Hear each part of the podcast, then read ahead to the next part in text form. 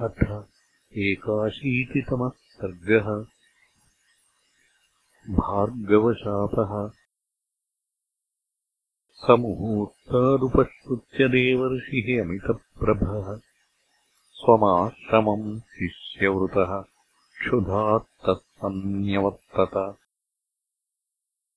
सोऽपश्यत् अरजाम् दीनाम् रजसा समभिप्लुताम् ज्योत्स्नामिवारुणग्रस्ताम् प्रत्यूषेण विराजतीम्। तस्य रोषः समभवत् क्षुधात्तस्य विशेषतः। निर्दहन्निवलोकाम् स्त्रीम् शिष्यांश्चैतदुवाचः। पश्यध्वम् विपरीतस्य दण्डस्याविजितात्मनः विपत्तिम् घोरसङ्काशाम् क्रुद्धाम् अग्निशिखामिव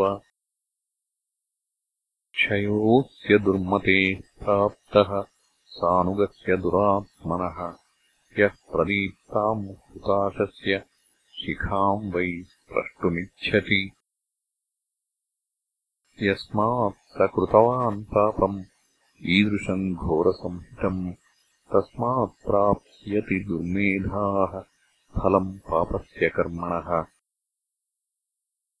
सप्तरात्रेण राजासौ सभृत्यबलवाहनः पापकर्मसमाचारो वधम् प्राप्स्यति दुर्मतिः। समन्ताद्योजनशतम् विषयम् चास्य दुर्मतेः धक्ष्यते पांसुवर्षेण महता पाकशासनः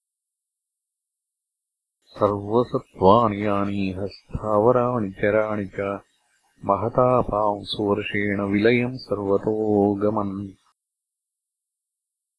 दण्डस्य विषयो यावत्तावत् सर्वसमुच्छ्रयम्। पांसुवर्षमिवालक्ष्यम् सप्तरात्रम् भविष्यति। इत्युक्त्वा क्रोधताम् राक्षः तदा आश्रमनिवासिनम् जनम् जनपदान्तेषु स्थीतामिति चाब्रवीत् श्रुत्वा तूषणसो वाक्यम् सोऽष्टमावसथो जनः। निष्क्रान्तो विषयात् तस्मात् स्थानम् चक्रेऽथ बाह्यतः स तथोक्त्वा मुनिजनम् अरजामिदमब्रवीत्। इहैव वस दुर्मेधे आश्रमे सुसमाहिता इदम् योजनपर्यन्तम् सरः सुरुचिरप्रभम् अरजे विज्वराभम् श्वकालश्चात्र प्रतीक्ष्यताम् त्वत्समीपे च ये सत्त्वा वासमेष्यन्ति तान् निशाम्। अवध्याः पांसुवर्षेण ते भविष्यन्ति नित्यदा। श्रुत्वा नियोगम् ब्रह्मर्षेः सारजा भार्गवी तदा तथेति पितरम् प्राह भार्गवम् भृशदुःखिता इत्युक्त्वा भार्गवो वासम् अन्यत्र समकारयत्। तच्चराज्यन्नरेन्द्रस्य सभृत्यबलवाहनम् सप्ताहाद्भस्मसाद्भूतम् यथोक्तम् ब्रह्मवादिना। तस्यासौ दण्डविषयो विन्ध्यशैवलयोः नृप शप्तो ब्रह्मर्षिणा तेन वैधर्म्ये सहिते कृते ततः प्रभृति काकुत्स्थ दण्डकारण्यमुच्यते। तपस्विनः स्थिताः यत्र जनस्थानमतोऽभवत् एतत्ते सर्वमाख्यातम् यन्माम् पृच्छसि राघव। सन्ध्याम् उपासितुम् वीर समयो ह्यतिवर्तते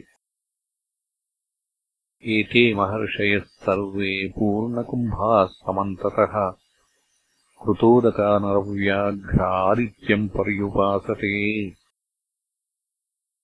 सतैः ब्राह्मणमभ्यस्तम् सहितैर्ब्रह्मवित्तमैः। रविरः सङ्गतो राम गच्छोदकमुपस्पृश। इत्यार्षे श्रीमद् रामायणे वाल्मीकीये आदिकाव्ये उत्तरकाण्डे एकाशीतितमः सर्गः